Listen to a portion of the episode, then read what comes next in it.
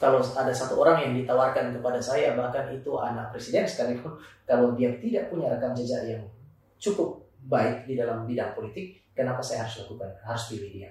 Ya halo rekan-rekan. Uh, kita saat ini berada di uh, siaran podcast RCLS ya.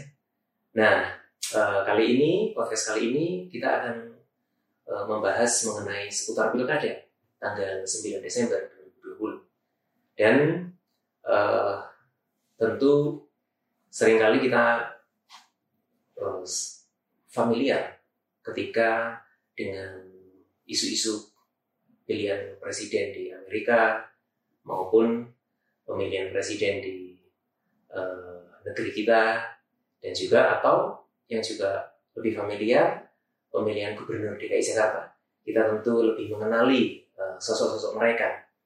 Nah, tapi pilkada pilihan e, kepala daerah itu sering kali dipandang sebelah mata. Oleh sebab itu, topik podcast kali ini membahas mengenai e, pilkada semenjana ya. Semenjana sendiri mungkin kita juga agak asing.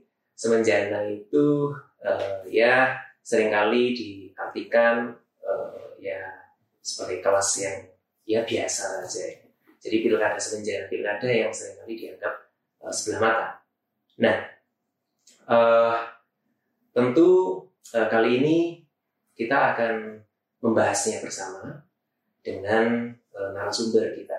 Dan narasumber kita, uh, beliau adalah uh, nama beliau Yohanes uh, Putra Tama Kamuri atau lebih akrab dipanggil dengan Pak Tama. Nah, beliau adalah uh, penulis dari jurnal ilmiah Societas D ya, uh, jurnal agama dan masyarakat.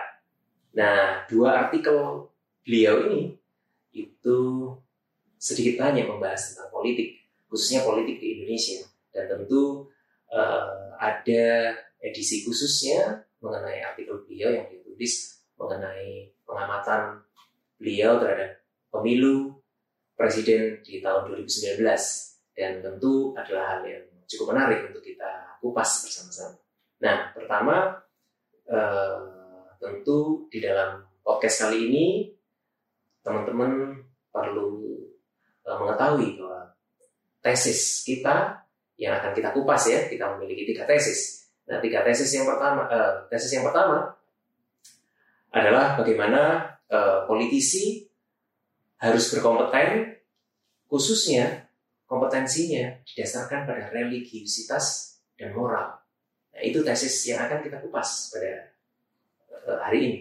Kemudian uh, yang kedua, tesis yang kedua, masyarakat harus mengenali uh, tujuan implisit politisi mengenai hasil ekonomi. Kemudian tesis yang ketiga, masyarakat harus terlibat di dalam kehidupan politik. Nah, mari kita kupas sama-sama. Yuk. Ya, Uh, selamat sore Pak Tama. Sore Oke. Okay. ya kita uh, sungguh uh, senang ya uh, kita membahas sama-sama pada hari ini. Uh, Pak Tama, ini Pak Tama sedang menulis ya di di artikel pertama di Societas yeah. D itu uh, judulnya adalah Yesus dan Machiavelli. Yesus dan Machiavelli ini uh, di sini Yesus dan Machiavelli mengenai moralitas, religiusitas, dan kompetensi politisi di ruang publik. Nah, uh, yang bikin tertarik adalah uh, mengapa sosok Yesus atau sosok yang cukup uh, sakral ini ya, atau ya bagi umat Kristen itu sebagai Tuhan dan Juru Selamat, uh, Yesus dibandingkan juga pemikiran-pemikiran dengan politisi, eh, khususnya Machiavelli, ya, seorang politisi yang banyak dirujuk juga oleh para akademisi maupun politisi-politisi di dunia. Nah, mungkin bisa Bapak uh, bisa uraikan sedikit. Jadi perbandingan antara Yesus dengan Machiavelli ini lebih kepada apa ya tuntutan metodologi. Jadi yang pertama yang saya mau lihat adalah dua orang ini dalam perbandingan dalam sebuah perbandingan secara metodologis, hal yang pertama yang perlu kita lakukan adalah melihat bahwa dua tokoh atau sekian tokoh yang kita perbandingkan itu sementara memberi, membicarakan hal-hal yang sama. Nah, waktu saya mencoba untuk melihat ruang politik Indonesia, saya rasa pemikiran Machiavelli masih masih cukup relevan. Lalu kemudian saya mencoba membandingkan juga dengan uh, tokoh-tokoh yang lain yang mengajukan pemikiran-pemikiran mengenai ruang publik. Saya kira salah satu yang cukup menarik dan mirip dengan Machiavelli, tapi juga pada saat yang sama. Bagi saya dia melampaui Machiavelli. Itu adalah pemikiran Kristus mengenai ruang publik. Ada beberapa kesamaan. Pertama, dua-duanya mengasumsikan ruang publik itu tidak tidak ideal. Lalu yang kedua, dua-duanya mengasumsikan bahwa orang-orang yang masuk ke dalam ruang publik harus punya kompetensi untuk melampaui situasi tidak ideal misalnya. Nah, baru kemudian keduanya juga berbicara mengenai strategi. Machiavelli katakanlah kita cukup kenal strategi dia, dia menghalalkan segala macam cara.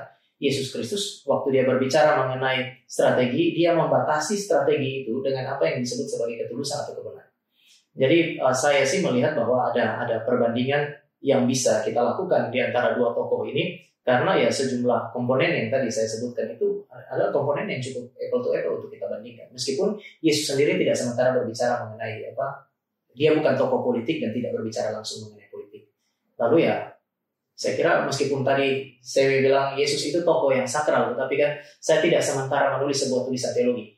Saya sementara melihat uh, Yesus Kristus dari sudut pandang filsafat dan ini tuntutan metodologi untuk apa ya meletakkan semua tulisan, semua literatur, semua tokoh itu pada tataran yang sama. Memang ini kelihatan seperti dingin sebagai orang-orang yang beriman, tetapi saya bukan orang yang tidak beriman.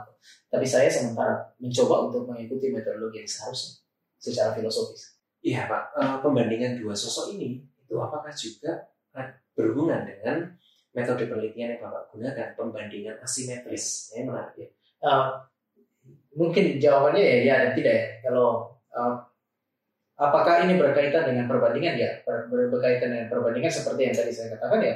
Perbandingan ini berkaitan dengan apa aspek-aspek yang dibicarakan itu sama. Ruang publik, lalu kemudian ya ruang publik yang tidak ideal. Lalu bagaimana orang hadir di dalam dan melampaui, menaklukkan ruang publik yang tidak ideal. Bagaimana dia berstrategi. Dua tokoh ini berbicara mengenai hal-hal yang sama, maka mereka bisa diperbandingkan. Tetapi istilah asimetris itu lebih kepada strategi pengelolaan data jadi ini lebih kepada sebuah metode di mana ya biasanya kalau kita perbandingkan itu dalam tulisan ya uh, ide Machiavelli lalu ide Yesus baru kemudian kita memberi penjelasan katakanlah analisa di bawahnya. Tetapi uh, perbandingan asimetris itu lebih kepada ya saya menjelaskan secara rinci satu satu tokoh, tokoh pertama di dalam kasus saya Machiavelli, lalu kemudian saya menjelaskan mengenai pemikiran Yesus Kristus mengenai ruang publik, di situlah saya sekaligus menanggapi Machiavelli. Jadi tidak ada yang ketiga sebagai analisa khusus ini. Ini yang dimaksud dengan apa perbandingan asimetris. Tetapi memang mau perbandingan apa pun yang menuntut untuk melihat ada kesamaan topik, kesamaan yang esensial di dalam hal-hal yang dibicarakan. Ya, tadi saya bilang ada beberapa aspek terkait ruang publik dan orang yang ada di dalamnya itu saya kira sama ya. Artinya dari perspektif saya sebagai seorang yang sementara melakukan penelitian ini saya yakin itu sama. Oke, okay, baik. Iya. Uh, ya, yang paling menarik di yang mungkin kita akan uh, cukup apa banyak terkonsentrasi di sini di artikel bapak itu uh, mengenai uh, tesis bapak bagaimana seorang politisi itu yang sebaiknya harus memiliki kompetensi yang didasarkan pada religiusitas dan moralitasnya. Nah, menurut uh, riset dari ACRS sendiri yang juga mengumpulkan data-data itu uh, menunjukkan bahwa sebenarnya eh, negara-negara uh, yang menganggap diri sekular ya itu katakanlah misalnya negara-negara uh, yang menjaga jarak ya dengan agama negara-negara di Eropa Barat ya, kemudian Singapura Jepang. Nah uh, mereka justru di sisi lain mereka mendapatkan sebuah pengakuan di dalam prestasi sains ataupun uh, juga matematika. Gitu. Uh, sedangkan Indonesia sendiri itu juga uh, mendapatkan uh, kategori dikategorikan sebagai negara yang religius, hmm. ya negara yang religius. ya, ya. Nah, negara yang cukup uh, mungkin lima besar ya religius di di dunia gitu. Tapi juga kemampuannya, kemampuan dalam sains dan itu uh, terserembab ya kalau kita bisa bilang. Nah, uh, mungkin uh, berarti sebenarnya kesannya kan berarti bapak ini seakan-akan melawan arus. Nah, berarti maksudnya politis itu justru harus yang religius, harus yang moralitas. Nah, ada hal-halkah yang mendukung tesis? Kita mesti akui bahwa ini apa ya, hasil penelitian RCRS dan juga mungkin lembaga-lembaga yang lain adalah penelitian yang sah tentu saja ada dasar untuk mengatakan hal itu. Tapi saya juga mau mengajak kita untuk lihat fakta. Kenapa saya tulis begitu? Pertama ya fakta di dalam negara di mana kita hidup. Kita hidup di dalam satu negara yang adalah kita sebut sebagai negara Pancasila. Negara Pancasila itu adalah negara yang bukan negara agama tapi juga bukan negara sekuler. Kita tidak bisa menendang agama keluar dari ruang publik. Kita bahkan kalau saudara kita lihat mengenai apa prinsip di dalam Pancasila ya pada akhirnya bahkan kehadiran umat beragama dan kontribusi umat beragama itu adalah sesuatu yang dinantikan di dalam negara ini. Itu adalah fakta pertama yang kita tidak bisa nggak bisa singkirkan begitu saja. Nah, yang kedua adalah fakta bahwa semua politisi ya, semua politisi kita di Indonesia ini mengaku sebagai orang yang beragama. Siapa di antara politisi kita yang mau mengakui dia ateis atau dia bukan orang beragama? Saya kira kalau kita cek satu-satu, meskipun hasil penelitiannya demikian, tapi semua apa semua politisi pasti mengaku beragama. Lalu fakta yang ketiga yang saya mau ajak mungkin ini berkaitan dengan mungkin saya berpikir, tetapi justru itulah kita mundur karena politisi kita beragama atau uh, kita terlalu banyak menerima apa kontribusi agama di dalam uh, kehidupan berbangsa dan negara kita. Tetapi begini, mari kita lihat juga fakta historis. Fakta historis yang bukan di Indonesia, tetapi Eropa, Amerika itu berkembang juga kaitannya sangat kuat. Meskipun tadi kita sebut mengatakan mereka sekuler tapi coba lihat sejarah mereka sebelumnya. Ilmu pengetahuan berkembang dengan luar biasa pada masa seperti apa? Neo Calvinisme misalnya pernah dikenal sebagai salah satu dari sepuluh pemikiran besar dunia yang mempengaruhi maksudnya salah satu dari sepuluh pemikiran besar yang mempengaruhi dunia itu. Itu berarti kita tidak bisa menafikan bahwa ada sistem nilai di dalam agama yang mungkin berbeda. Nah, Charles Kimball sendiri waktu dia mencatat atau dia menulis mengenai agama itu bisa menjadi ancaman. Dia mulai tulisan itu dengan tesis yang mengatakan bahwa agama itu hari ini bisa dilihat sebagai ancaman. Tetapi agama juga harus dilihat sebagai sumber inspirasi.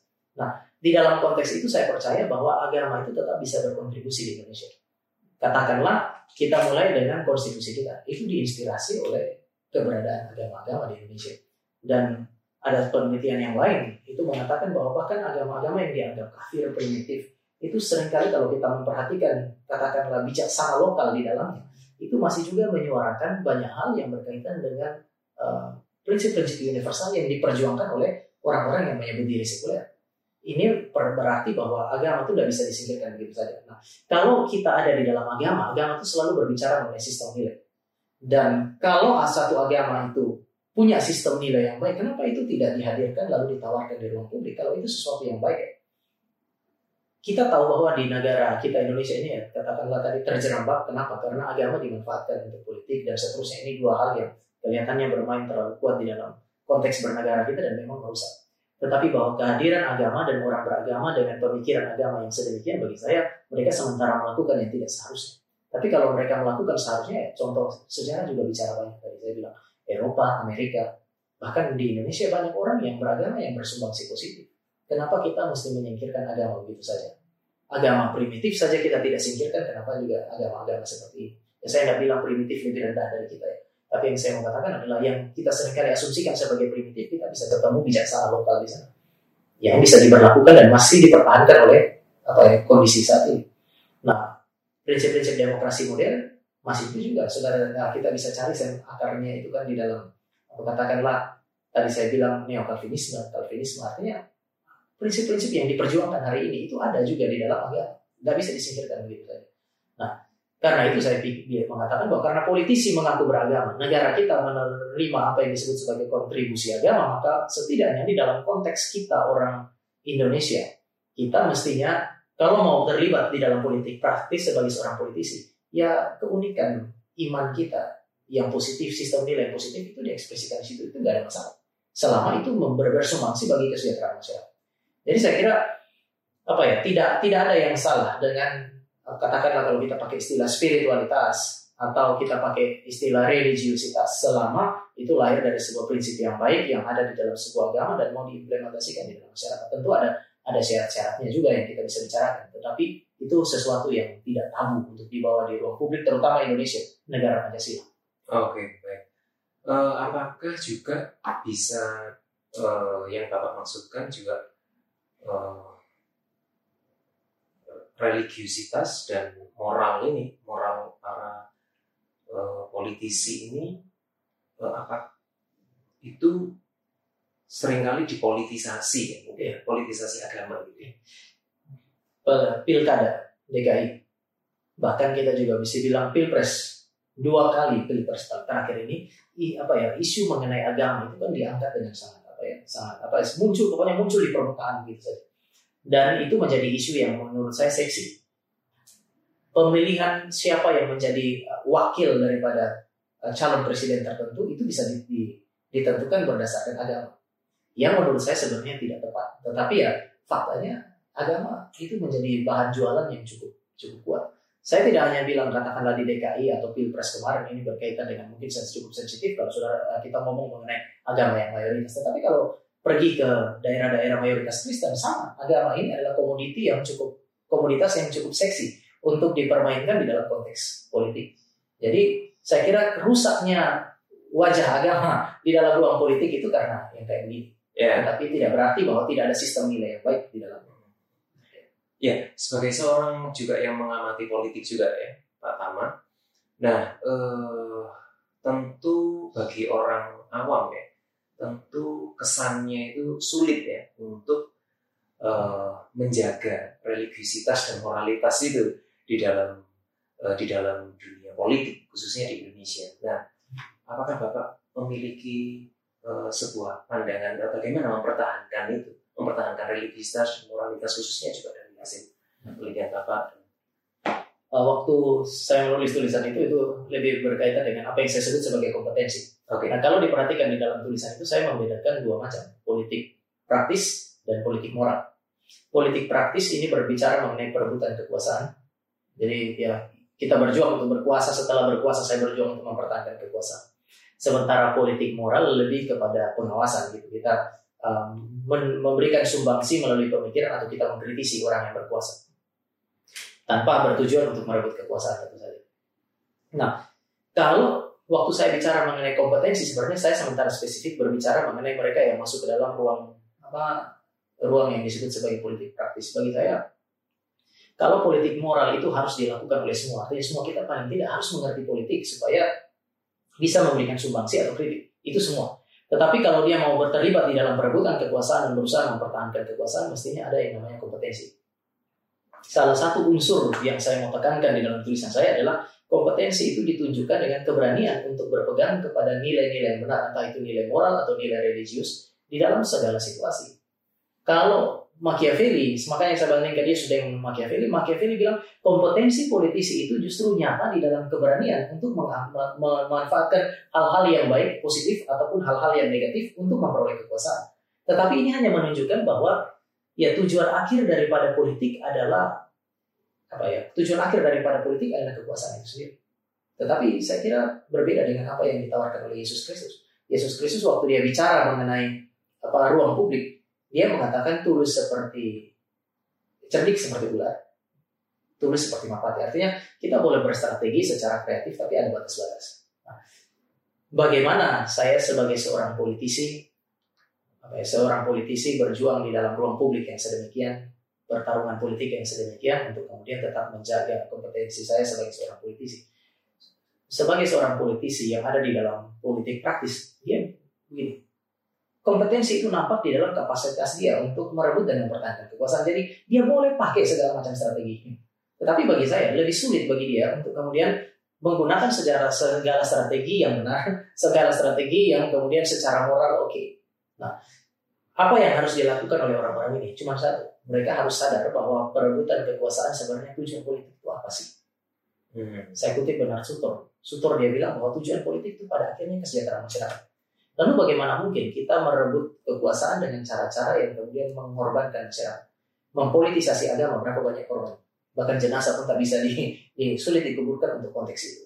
Itu berarti ya pada akhirnya politisi ini tidak memikirkan kesejahteraan masyarakat. Cuma satu menurut saya, yaitu berpolitik dengan memahami tujuan politik yang sesungguhnya. Kelihatannya terlalu utopis. Tetapi memang kita harus punya standar sih ke mana kita mau pergi. Sehingga kalau mau ngomong ini kita ngomong politisinya dulu. Bagi saya dia mesti sadar benar tujuan politik apa. Lalu kemudian kalau memang itu demi kesejahteraan, maka kita tidak boleh melakukan yang namanya justify means, menghalangkan segala cara itu sebenarnya nggak bisa. Jadi ini kembali kepada politisinya. Kita tidak bisa ajar orang. Ini adalah hal yang kalau dia punya religiusitas baik, moralitas baik, dengan sendirinya dia paham hal itu.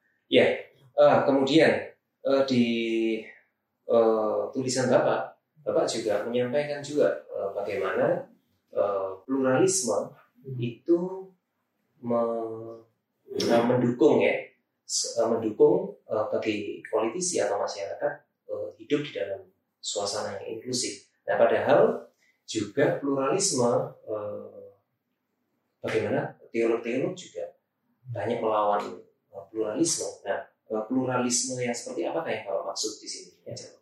Pertama, kita mesti akui bahwa memang banyak teolog itu menolak pluralisme karena pluralisme itu sering kali di apa ya disamakan dengan relativisme.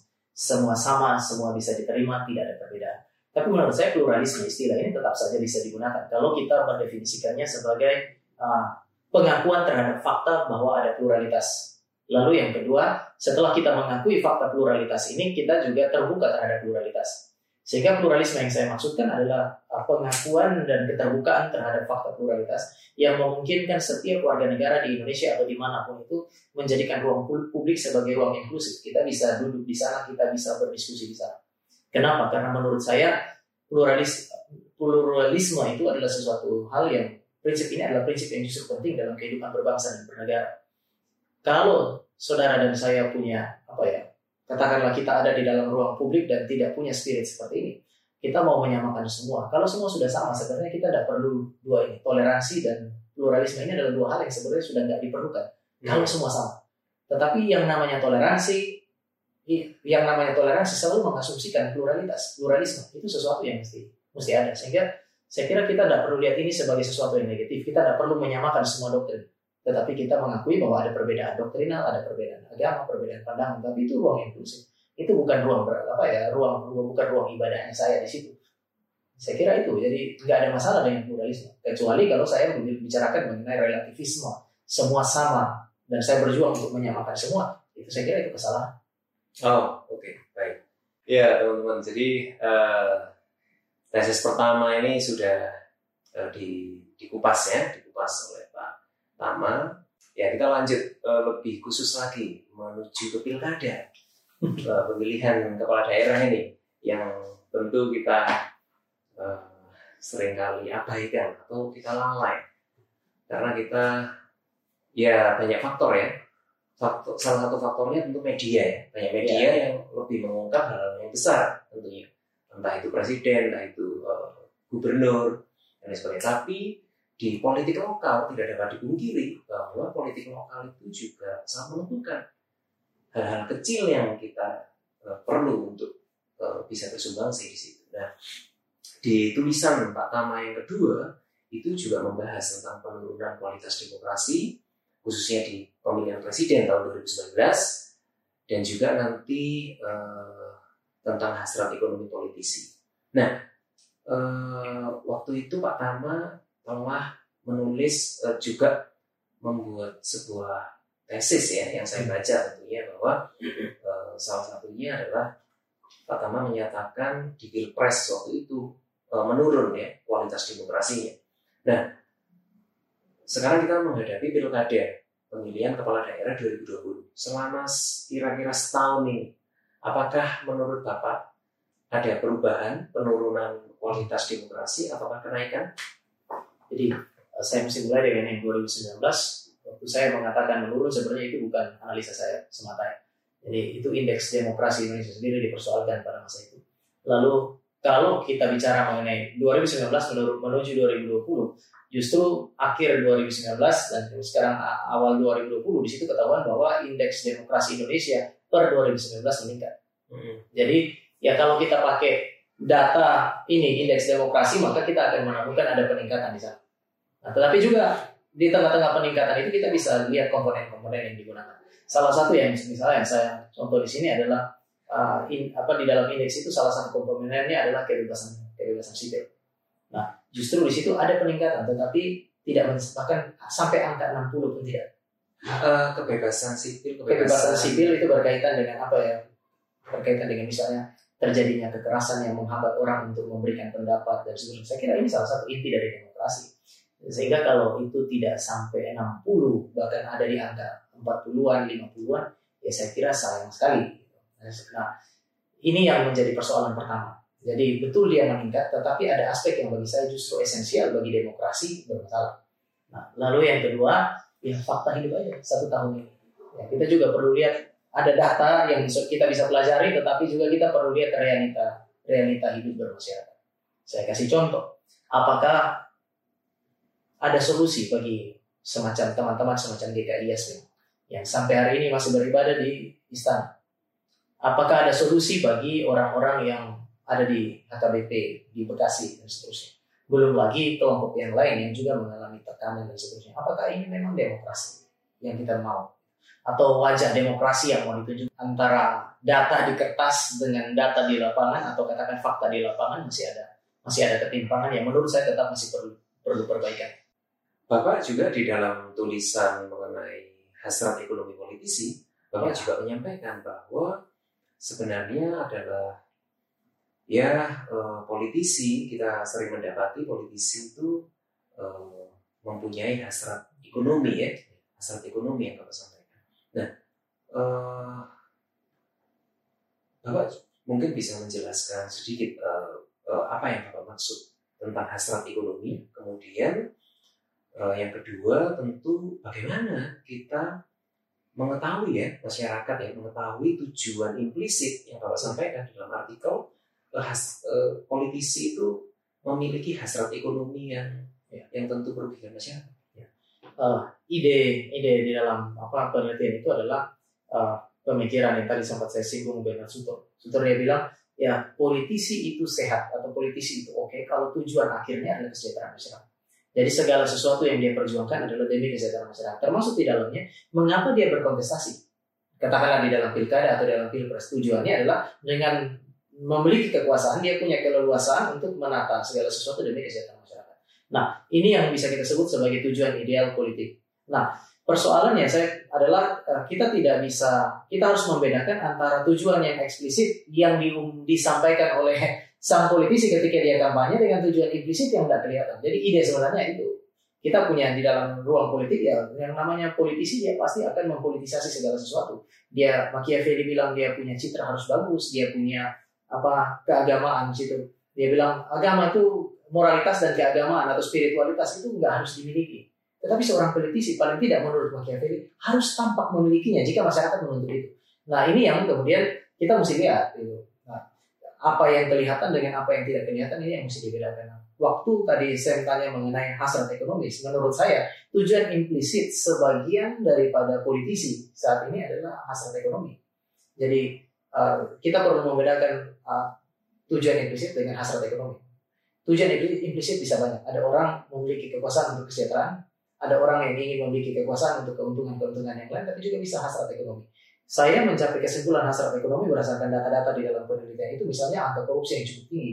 Bahkan kalau di dalam tulisan itu saya juga sempat jelaskan bahwa ada ada penelitian yang menunjukkan bahwa uh, sejumlah anggota DPR itu menduduki posisi yang berkaitan langsung dengan kepentingan dia waktu dia ambil kebijakan itu berkaitan langsung dengan posisi-posisi di luar itu yang dia duduki dia punya misalnya katakanlah komisaris dan seterusnya di satu bidang tertentu dia bisa mengambil keputusan untuk apa ya katakanlah konflik of interest lah. Itu bisa terjadi di sana. Nah fakta tertangkapnya banyak politisi bahkan di kasus kalau tidak salah di Malang atau di mana itu kan hampir semua itu beres yeah. kalau ditangkap beres gitu. Itu kan ya pada akhirnya karena ditangkap karena kasus apa? Korupsi. Nah dari sedemikian banyak data-data yang masuk dan saya kelola ya saya mengatakan bahwa ada banyak tujuan implisit tetapi salah satu tujuan implisit yang sangat kelihatan sampai dengan tahun 2019 di mana saya tulis adalah kasus korupsi hmm. ya jadi apa ya posisi itu kayak dipergunakan untuk apa untuk keuntungan ekonomi baik itu personal maupun kelompok. Makanya saya mengatakan tesis saya mengatakan bahwa tujuan implisit politisi sampai dengan saat itu sebagiannya adalah ya, ekonomi. Ya kita bisa sebut banyak hal yang lain. Ya. Nah yang kedua pertanyaan kedua bagaimana kita itu apa ya menguji tujuan implisit ya. Tadi saya bilang saya bisa mengambil kesimpulan tujuan implisitnya adalah ekonomi ya data. Artinya kita mesti melihat apa data-data dari apa ya orang-orang yang katakanlah sekarang yang berkontestasi saat ini apa. Ini yang tadi saya bilang ya ada ada ada kondisi di mana kita akan capek. Sebagai masyarakat awam yang tidak peduli dengan apa politik sekarang harus peduli dengan politik dan ternyata saya harus mencari tahu siapa yang saya pilih. Ya nggak ada pilihan yang lain. Kalau kita mau menjadi apa ya membangun sebuah kota yang katakanlah kayak kota Depok yang sejahtera, kota Depok yang idealnya mau tidak mau semua orang harus kerja keras bukan cuma politisi. Kalau politisi saja yang bekerja keras dan dibiarkan kerja keras menurut maunya dia, ya dia akan berjuang supaya tujuan implisit yang dia tidak katakan itu yang terjadi. Tetapi kita bisa mencegah itu terjadi dengan ya memperhatikan apa yang dia kerjakan selama ini. Ya, saya juga tidak percaya bahwa kita harus memilih satu orang yang sebenarnya kita tidak kenal kalau seandainya orang saya ada di Depok lalu yang ditawarkan kepada saya adalah pemimpin-pemimpin, calon pemimpin yang sama sekali saya tidak kenal, saya akan memilih untuk tidak memilih. Ya, ya salah satu hal yang bisa kita pakai untuk kemudian menguji rekam jejak, apa menguji tujuan implisit seseorang ya rekam jejaknya dia. Jadi itu kenapa tadi saya bilang bahwa kita tidak boleh memilih orang yang tidak kita kenal. Kita harus berjuang untuk mengenal dia, kita mengenal, melihat masalah-masalah yang pernah dia lakukan atau prestasi dia karena apa ya dengan mengenal atau memahami apa yang disebut sebagai rekam jejak kita bisa memprediksi sebenarnya orang ini maju untuk apa. Kalau selama ini dia gagal terus atau bermasalah terus dengan kasus korupsi dan sekarang dia maju lagi karena memang peluang ada, lalu kita memilih akan ada kemungkinan dia mengulangi hal yang sama karena kesempatan itu ada. Tetapi kalau seandainya kita memperhatikan secara teliti dan melihat rekam jejaknya, maka kita bisa kemudian memprediksi apa yang disebut sebagai tujuan implisit orang ini. Tidak harus ekonomi, mungkin yang lain. Nah, oleh karena itu maka tadi saya kira ada satu hal yang saudara saya mesti perhatikan adalah jangan pernah memilih orang yang tidak kita kenal. Hmm. Mungkin kita bisa ngomong kalau ada satu orang yang ditawarkan kepada saya bahkan itu anak presiden sekalipun kalau dia tidak punya rekam jejak yang cukup baik di dalam bidang politik, kenapa saya harus lakukan? Harus pilih dia. Nah kemudian saudara bisa bilang apa? Iya tapi kan semua politisi pernah mulai dari nol. Tetapi tidak ada politisi yang tidak mulai dari kehidupan sosial. Jadi kita bisa perhatikan juga kehidupan sosial dia seperti apa. Apa yang telah dia lakukan di dalam masyarakatnya. Jangan sampai tidak pernah malah berbuat apa-apa dalam masyarakat, tapi tiba-tiba mau jadi wali kota, tiba-tiba mau jadi gubernur, dan seterusnya. Bagi saya, kita meresikokan kehidupan masyarakat kita hanya gara-gara dia adalah katakanlah anak gubernur, anak presiden, anak pendeta, anak imam, dan seterusnya. Saya kira itu masalah yang masalah yang besar. Siapa pun dia yang namanya pemimpin secara politik dia harus punya rekam jejak yang kita bisa percaya. Kalau enggak, nggak bisa. Nah dengan mengenal rekam jejak sekali lagi kita bisa memprediksi tujuan implisit yang tersimpan di dalam pikiran dia kira-kira apa. Karena kita nggak bisa memberi penilaian mengenai apa yang tersembunyi secara implisit tanpa data-data yang ada di luar. Baik, Bapak mendorong masyarakat untuk terlibat di dalam uh, kehidupan politik. Nah, khusus nih sebentar lagi pilkada. Nah, eh, keterlibatan macam yang bagaimana? Keterlibatan yang seperti apa yang Bapak maksudkan? Ya, secara prinsip kita semua ini makhluk politik yang seharusnya memperjuangkan apa ya kesejahteraan bukan hanya dalam diri tapi juga dalam orang lain sehingga memperhatikan situasi politik negara atau situasi politik kota di mana kita tinggal itu sebenarnya itu nggak perlu disuruh ya itu bukan persoalan minat aja kenapa karena saat ini kepemimpinan itu tidak ditentukan oleh orang dari luar, tetapi kita anggota masyarakat ini yang menentukan siapa yang memimpin kita itu juga berarti menentukan kesejahteraan kota. Nah, aktif di yang saya maksudkan di sini adalah yang pertama ya tadi aktif untuk memperhatikan situasi kita ini seperti apa. Karena nanti profil orang-orang yang tampil dan kemudian dipromosikan ke kita untuk memimpin daerah kita itu harusnya kita tahu. Ya, jadi yang pertama adalah aktif dalam pengertian memperhatikan. Saya ini berarti saya bergeser dari politik praktis kepada politik moral jadi saya harus memperhatikan situasi politik yang terjadi di dalam daerah saya, di dalam negara saya. Lalu harus ada keberanian untuk menyuarakan baik itu hal-hal yang positif. Kalau kita menemukan hal-hal yang positif pada pemimpin kita, mengapa kita tidak menyuarakannya? Hmm. Itu akan menentukan bagi saya dengan dengan menyuarakan itu, maka dengan sendirinya akan terbentuk standar di dalam masyarakat. Katakanlah ini dia baik, maka kita menyuarakan itu, maka standar untuk pemimpin selanjutnya itu sudah ada di dalam benak masyarakat. Hmm. Masyarakat sudah tahu bahwa kalau saya mau pilih pemimpin berikutnya paling tidak standarnya ini. Hmm. Kalau tidak, kita mendiamkan, kita mengerti, kita melihat ada sesuatu yang baik, lalu kita mendiamkan, ya orang masih belum artinya ini kan sekarang kita hidup dalam satu zaman di mana suara orang banyak itu penting.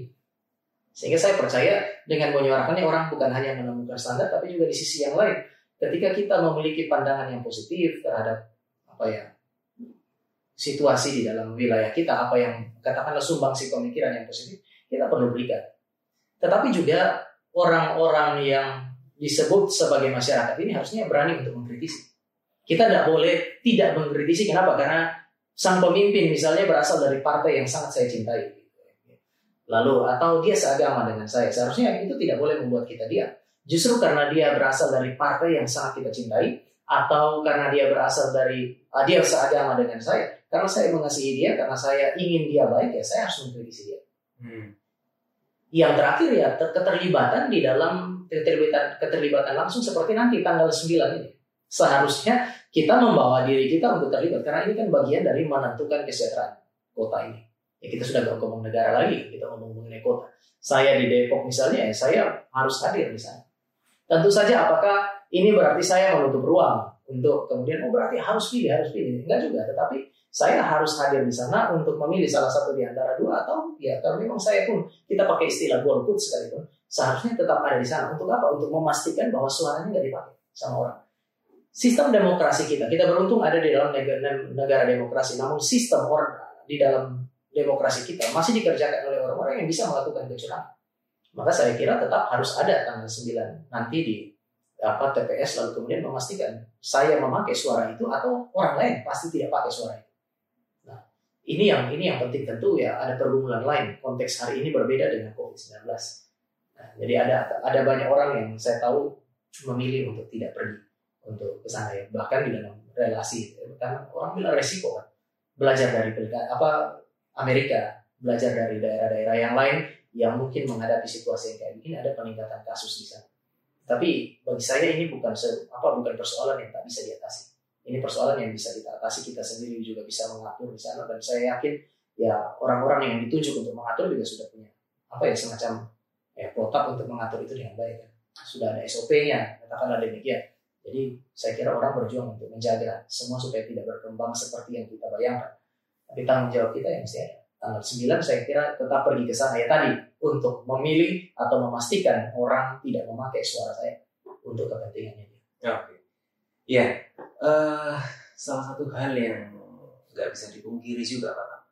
Jadi uh, politik itu adalah sebuah uh, bagian juga di dalam kehidupan kita ya sebagai manusia.